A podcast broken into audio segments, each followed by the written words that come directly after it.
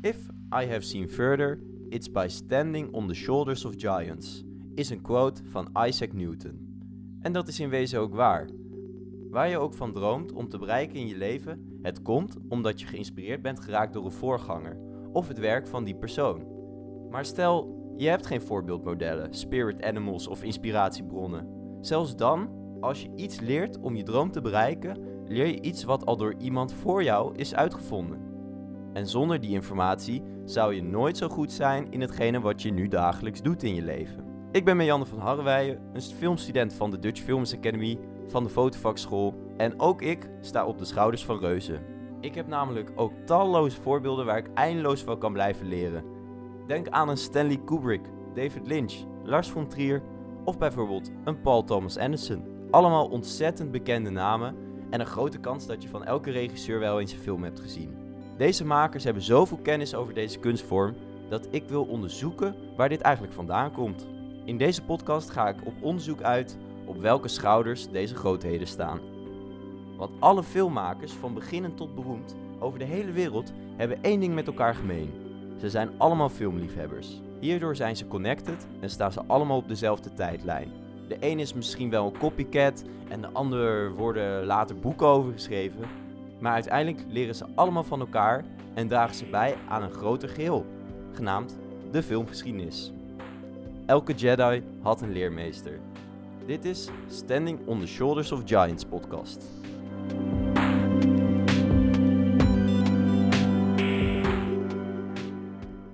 Ik ga vandaag vier films met jullie bespreken. Deze films kunnen door elkaar geïnspireerd zijn door bijvoorbeeld de stijl, plotelementen of misschien wel de thematiek. Ik begin bij een bekende classic die ik goed vind. Vervolgens doe ik research door middel van het kijken van interviews door welke films de regisseur geïnspireerd is geraakt. Dan ga ik die kijken en die ga ik ook bespreken. Om de eerste aflevering van start te gaan, leek het mij logisch om bij de meester van het stelen te beginnen. Quentin Tarantino. Ik ben niet allergrootste fan van zijn werk, maar ik waardeer wat hij heeft gedaan voor cinema. Hij wordt door velen de single most influential director of this generation genoemd. Wat ironisch is, aangezien iedereen met een beetje filmkennis weet dat hij bijna al zijn ideeën steelt van classics. Maar daar komen we later in deze aflevering op terug. Tarantino heeft zoveel invloed op popculture en zo'n opvallende stijl dat hij sinds een paar jaar een eigen woord heeft gekregen in het woordenboek, namelijk Tarantino-esque. Zijn films beïnvloeden zoveel jonge filmmakers en kreeg zo'n grote cultfollowing dat zijn stijl naapen een eigen begrip heeft gekregen. Zelfs al een jaar na zijn debuut begonnen al de goedkope rip-offs, zoals bijvoorbeeld de cult B-movie Killing Zoe, waar zelfs heel groot op de DVD-cover staat dat Tarantino de executive producer was. Natuurlijk was het Reservoir Dogs concept, een whodunit formule afspelend in één ruimte met maar een paar acteurs, ijzersterk voor een low-budget filmmaker om na te maken. Maar als ik het heb over inspiratie, heb ik het niet per se over de rip-off films die na Tarantino's debuut volgden. Zoals bijvoorbeeld de Bollywood film KNT uit 2002, wat bijna identiek is van Reservoir Dogs. Ik heb het dan eerder over regisseurs die op de schouders van Tarantino zijn gaan staan, met een eigenzinnige draai aan het bekende Tarantino-esque steltje. Aangezien de stijl zo herkenbaar is, zijn er veel regisseurs die door filmcritici op de schouders van de gigant worden neergezet. Vaak, als we het hebben over welke namen in het Tarantino-esque straatje vallen, komt de regisseur Guy Ritchie snel ter sprake. Hij heeft een keer in een interview toegegeven dat hij inspiratie haalt uit de films van Tarantino, maar gooit er snel de disclaimer achteraan dat elke film voor hem inspiratie is en hij niet zeker weet welke meer invloed hebben dan andere. Hij staat bekend om een groots ego en wordt daarom vaak als de Britse Tarantino bestempeld. Het verschil zit hem misschien in het feit dat hij niet wil toegeven hoeveel de stijl van Tarantino hem inspireert, terwijl Tarantino daarentegen niet kan stoppen met het name droppen van zijn bronnen. Laten we bijvoorbeeld het debuut van Guy Ritchie nemen. Lock, Stock and Two Smoking Barrels uit 1998. Een instant big hit wonder en brengt het gangstergenre terug uit de vergetelheid. Maar dan deze keer in Engeland. Het is net als Tarantino's debuut ook een heist movie die voor een extreem laag budget is gemaakt. Het publiek kon de vergelijking met het aanstormende talent Tarantino, die zes jaar geleden met Reservoir Dogs als low-budget debuut pioneerde, niet meer ontzien. Natuurlijk kunnen de Britten de vergelijking met de Amerikaanse Reservoir Dogs niet serieus nemen en vermijden alle overeenkomsten. Zelfs de regisseur zelf ontkent dat hij inspiratie uit het werk heeft gehaald met zijn toevallig gangster heist debuut. Was there, there was no film that was a model for what you wanted to do in this film. Um, what do you mean? Well, was that one? There was no particular film, whether it was Reservoir Reservoir Dogs or some other film, that you said, "I want to make a film that has that kind of energy, that kind of No, of, of as the answer. in your face, that kind of." No, I mean, I, I like things like uh, I'm into, in, interested in the humour. Um, so I wanted, I love Get Shorty. I thought Get Shorty was a very funny film. Um, so, and I love that kind of humour, which I didn't think was trying too hard, but at the same time, it managed to maintain um, some credibility. It was an interesting film to watch, not purely as a sort of humorous knees up. Um, so I wanted something that had credibility behind it, and I wanted to make the bad guys really bad guys, and uh, the funny stuff reasonably funny. And we've ended up with something that I'm quite happy with. Ik denk dat de Guy Ritchie-haters vooral zijn ontstaan onder de filmliefhebbers door zijn vijfde film Revolver uit 2005, die door de critics en het publiek slecht is ontvangen. Mark James Patrick Kermode, een erkende filmcritic, noemde de film pretentious en vond het een verwarrende plotstructuur. But the idea of Guy Ritchie, the guy whose entire career is built on making stupid, vacuous, flashy guns and geezers movie, coming on like some philosophy student and lecturing, and here's the, it's, it's, he keeps telling us how complicated the concept of this movie is. It's not complicated, Guy, and incidentally, I have been th- thinking about it since Monday, since you told me to do it.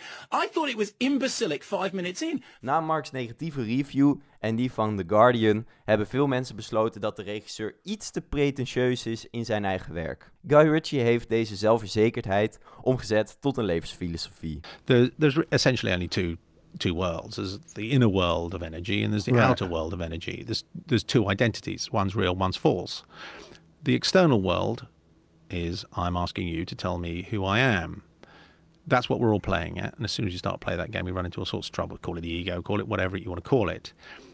But that's the dynamic that we're in. And somehow we have to give ourselves enough confidence to reassure ourselves that we are enough. However, I enter the game because I've got to move on in the world, I've got to crack on in the world, and I know there's loads of temptations that can come along the way.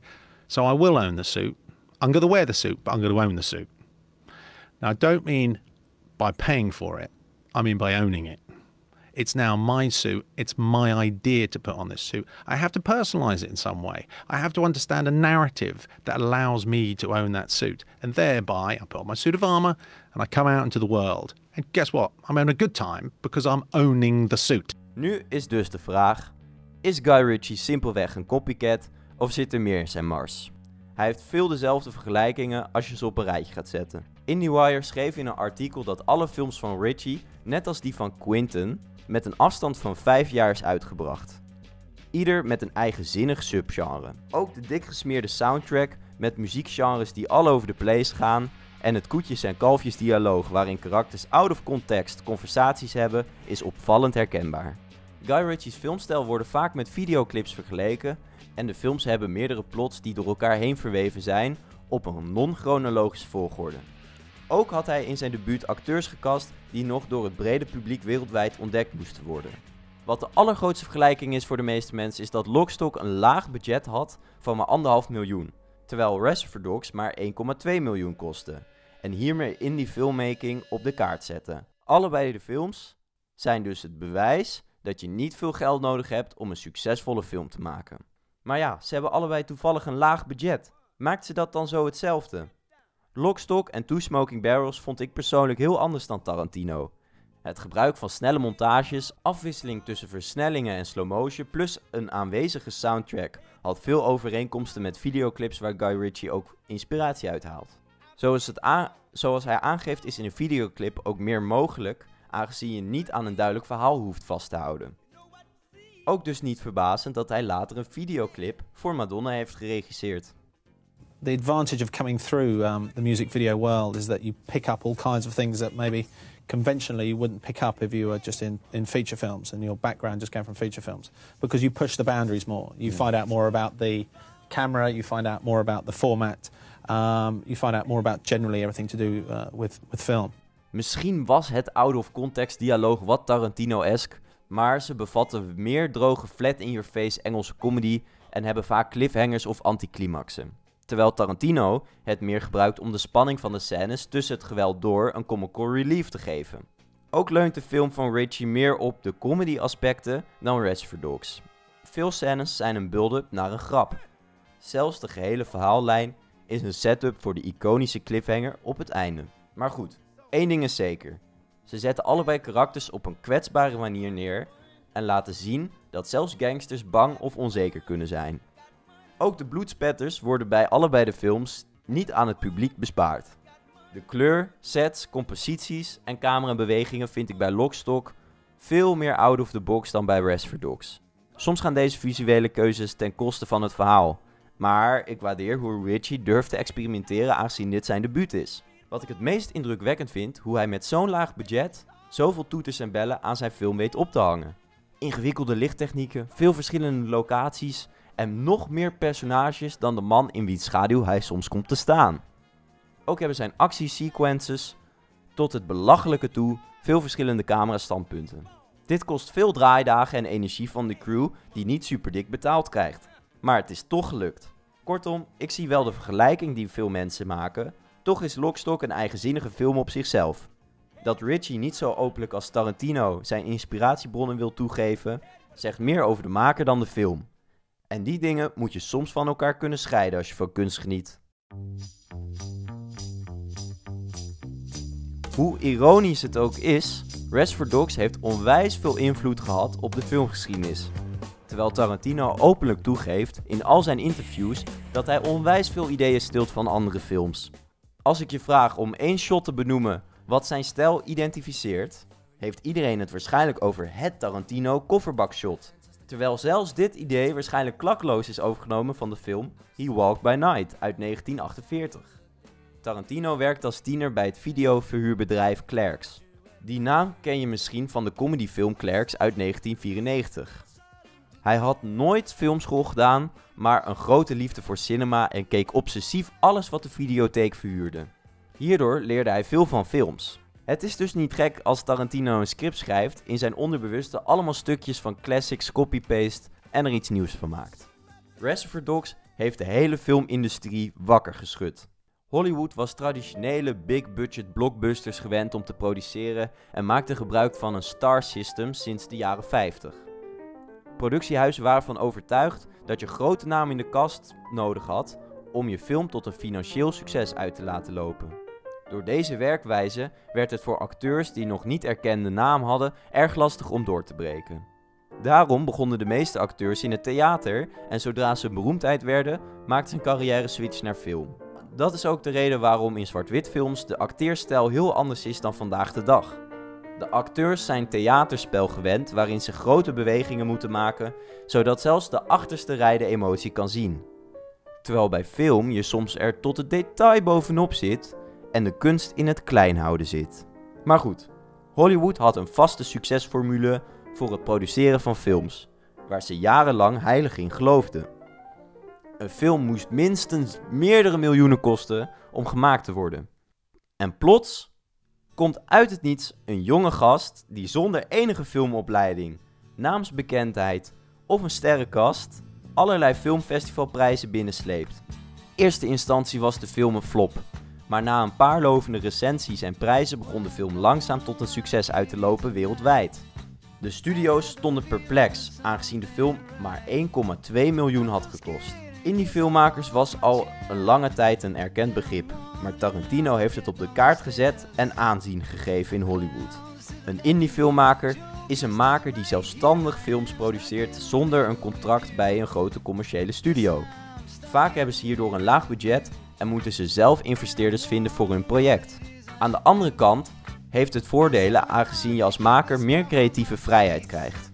Er is geen grote producer die je kan ontslaan tijdens het maken van je eigen film of een productiebedrijf dat achteraf hele scènes kan schrappen in de montage.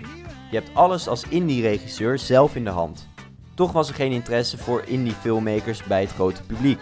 Hollywood keek een beetje neer op indie-filmmakers, aangezien die regisseurs meestal niet een bekende naam hadden. Maar naamsbekendheid is niet van belang, bewees het debuut Reservoir Dogs van Tarantino.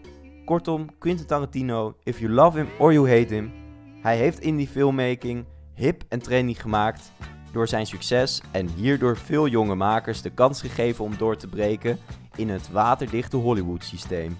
Het enige wat dus echt nodig is, is een ijzersterk verhaal. Reservoir Dogs. Bijna de hele film speelt zich af op één locatie, heeft maar acht acteurs en één rol voor zichzelf. Tarantino vroeg zijn vrienden om erin te spelen en ze droegen hun eigen kleren en maakten gebruik van hun eigen auto's. Het appartement van Mr. Orange en de schuurlocatie is eigenlijk in hetzelfde gebouw opgenomen. Maar dan zijn de muren in een andere kleur geschilderd om de illusie te geven dat het verschillende plekken zijn. Is deze film, zoals hij het noemt, een hommage of simpelweg plagiaat? Een hommage is een bekende term in de filmgeschiedenis. Het is een kleine verwijzing met een knipoog naar het werk van een andere filmmaker. Stel, jij bent op een feestje en je quote A Royal with Cheese. Dan noem je die uitspraak een hommage naar Pulp Fiction. Plagiaat is het geval als je simpelweg het idee of werk van een andere maker pakt en vervolgens claimt dat dit van jou is. Dit is natuurlijk ingewikkeld met creatief vastgoed en er zitten veel kleine lettertjes in verband met copyrightrechten aangebonden. Maar waar ligt de grens tussen inspiratie en succes maken op andermans idee? Hier kom ik later op terug.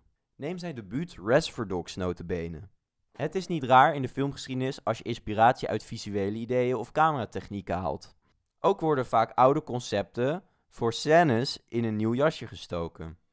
Denk aan de eindscène met de kinderwagen van de Untouchables. Dat is gerecreëerd van de kinderwagenscène uit de Russische film Battleship Potemkin uit 1925. Er wordt één scène nagemaakt in een verhaal wat compleet anders is. Dat is dus een hommage, zoals ik eerder uitlegde.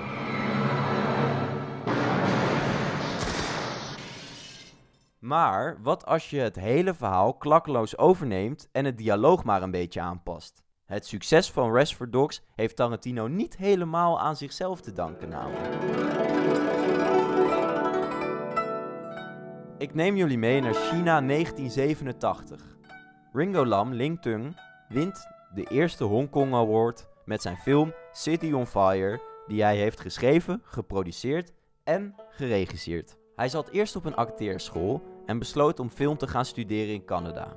Hij kwam terug en had een nieuwe kritische blik gekregen op Hongkong die hij in zijn films wou uiten. China had een sterk hiërarchische samenleving. Daarom dat het hoofdkarakter in City on Fire tegen zijn zin in als undercover politieagent moet samenwerken met een gang bankrovers. Hij nam veel inspiratie op uit de clichés van Amerikaanse heist- en gangsterfilms. Daarom ook niet vreemd dat hij later twee benen in verschillende industries tegelijkertijd had. Hij had filmproducties in Hongkong en Amerika lopen. Dat is ook de reden waarom de film City on Fire westerse muziek bevat. De laatste 30 minuten van deze film lijken verdomd veel Reservoir Dogs, wat ook een heist movie met een bekende whodunit twist is. Ook dat er een undercover agent in het midden van een criminele groep bevindt, is een overgenomen concept. Zelfs de iconische Mexican standoff scene op het einde is gestolen voor een Ringo Lambs actiefilm. Een filmstudent maakte een korte film in 1995 genaamd Who Are You Fooling? Waarin hij scènes van City on Fire en Reservoir Dogs met dezelfde inhoud naast elkaar legt in een montage en het lijkt bijna alsof je naar hetzelfde verhaal zit te kijken. Zelfs het openingsshot van Reservoir Dogs, gangsters lopen in slow motion met zonnebrillen, is compleet gejat. Kan dit eigenlijk wel door de beugel en al helemaal voor iemand met zulke grote kennis over cinema? Ik zelf vond City on Fire qua cinematografie en toon heel anders. Er waren minder langzame dollyzooms zoals in Reservoir Dogs en de kleuren waren feller. Bijvoorbeeld bij de scène waarin de karakters rennen over straat, is in City on Fire heel wild gefilmd wat meer toevoegt aan de spanning, terwijl Tarantino ervoor koos om het meer met een dolly shot te doen om het met de andere scènes te matchen. Ook was Reservoir Dogs meer dialoog gedreven en zit in City on Fire grotere actiesequences. Voor mij was het dialoog van City on Fire soms erg all over the place, waardoor ik de samenhang of het doel van de scènes miste.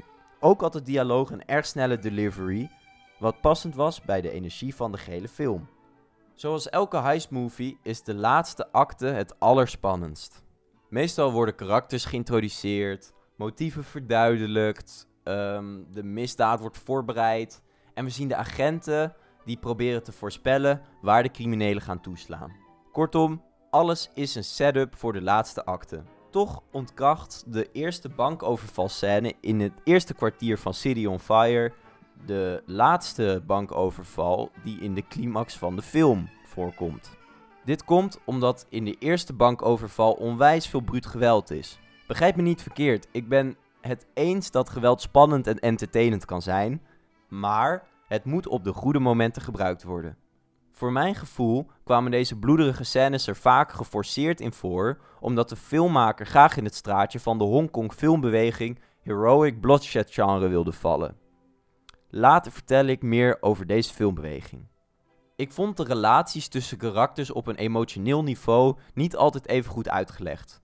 Neem bijvoorbeeld de vriendschap tussen de undercover agent en zijn opdrachtgever. We krijgen één conversatiescène over hun verleden en het wederzijdse begrip is voldoende om je leven op het spel te zetten. Vooral als je realiseert dat de hoofdrol überhaupt geen undercover agent meer wilde zijn, aangezien hij in zijn vorige missie een vriend moest verraden. Ook de liefdesrelatie die het hoofdkarakter heeft is onderontwikkeld. Hij date al heel lang met een meisje, maar zet nooit de volgende stap of is duidelijk hoe serieus hij is met haar. We zien hem flirten, haar uitdagen en duidelijk op de zenuwen werken. En wanneer hij ongevraagd onder de douche springt met haar, vraagt hij haar plotseling ten huwelijk. Verder in de film vraagt hij aan haar of ze misschien later kunnen trouwen, aangezien hij die undercover missie heeft. Wanneer ze vraagt waarom hij het wilt verlaten, heeft hij geen duidelijk antwoord. Ik begrijp dat het een geheime missie is en dat hij er niet veel over kan vertellen, maar hij kan toch wel op tenminste een excuus verzinnen? Jammer dat deze plothole nooit ingevuld is, aangezien er veel screentime aan deze relatie wordt besteed. Verder is het ook het enige motief dat we krijgen waarom het hoofdkarakter überhaupt in leven wilt blijven. Dus, het verhaal is soms een beetje dunnetjes en komt in de laatste acte pas echt tot zijn recht met een emotionele ontknoping. Naast het slow motion lopen met maatpakken en zonnebrillen onder een groovy score is er veel gestolen. Maar hoe Tarantino stilt is een kunst op zich. Hij pakt altijd precies datgene wat goed is aan het idee en combineert deze concepten tot iets nieuws. Hij heeft dus de laatste acte gestolen en gebruikt, precies het onderdeel wat mij enthousiast maakte. Ook heeft hij de structuur complexer gemaakt door het op een non-chronologische wijze te vertellen. Als allerlaatst heeft hij de heist nooit laten zien in Reservoir, waardoor wij als publiek zelf kunnen invullen wat er is gebeurd en wie de waarheid spreekt, kortom welk karakter te vertrouwen is. Op deze manier maakt hij een heist-movie zonder geld in een dure overvalscène te besteden. Een perfect voorbeeld is de iconische earcut scene uit Reservoir Dogs, die veel geprezen wordt. Look it, I'm not gonna bullshit you, okay? I don't really give a good fuck what you know or don't know. But I'm gonna torture you anyway. Het eerste plan was om het oor met practical effects te laten zien. Aangezien het budget erg laag was voor practical en het oor er niet echt uitzag, besloot Tarantino de camera naar de hoek van de kamer te pennen. Het publiek hoort het oor afgesneden worden en het geschreeuw van de gegijzelde, waarbij we in ons hoofd de beelden maken wat er gebeurt buiten beeld. Dit maakt de scène nog veel intenser dan als we een stukje plastic oor hadden gezien. De truc is eigenlijk op de hele bankoverval toegepast. De kunst van het niet laten zien. Wanneer Mr. Pink uitlegt wat er fout ging tijdens de heist, dan beschrijft hij precies een scène uit City on Fire. As soon as I heard the alarm, I saw the No, man, I'm cops. telling you, it wasn't that soon, okay? They didn't, they didn't let their presence be known until after Mr. Blonde became a madman, all right? I'm not saying they weren't there. I'm saying they were there. But they didn't make it, they, they didn't move until after Mr. Blonde started shooting everybody. I mean, that's how I know we were set up. Kortom, als jij wilt zien wat er buiten beeld ongeveer is gebeurd in Reservoir Dogs, kan de Chinese City on Fire je misschien wel wijzer maken. Op zichzelf leunt de film erg op clichés waar Hongkong heroic bloodshed beweging op gebaseerd is. Maar City on Fire is dus een film die wordt beschouwd als een following van de Hongkong actiefilm A Better Tomorrow. Uit 1986 geregisseerd door John Woo, waarvan zijn trademark ook de Mexican standoff is die Ringo Lam en Quentin Tarantino heeft toegepast. City on Fire kwam een jaar later dan A Better Tomorrow en zat in dezelfde filmbeweging als zijn voorganger. Ik heb het al twee keer laten vallen deze aflevering, maar deze beweging heet dus de Heroic Bloodshed genre, wat in Hongkong actiefilms is ontstaan. John Woo's A Better Tomorrow wordt ook wel als een van de belangrijkste stichters van dit genre beschouwd.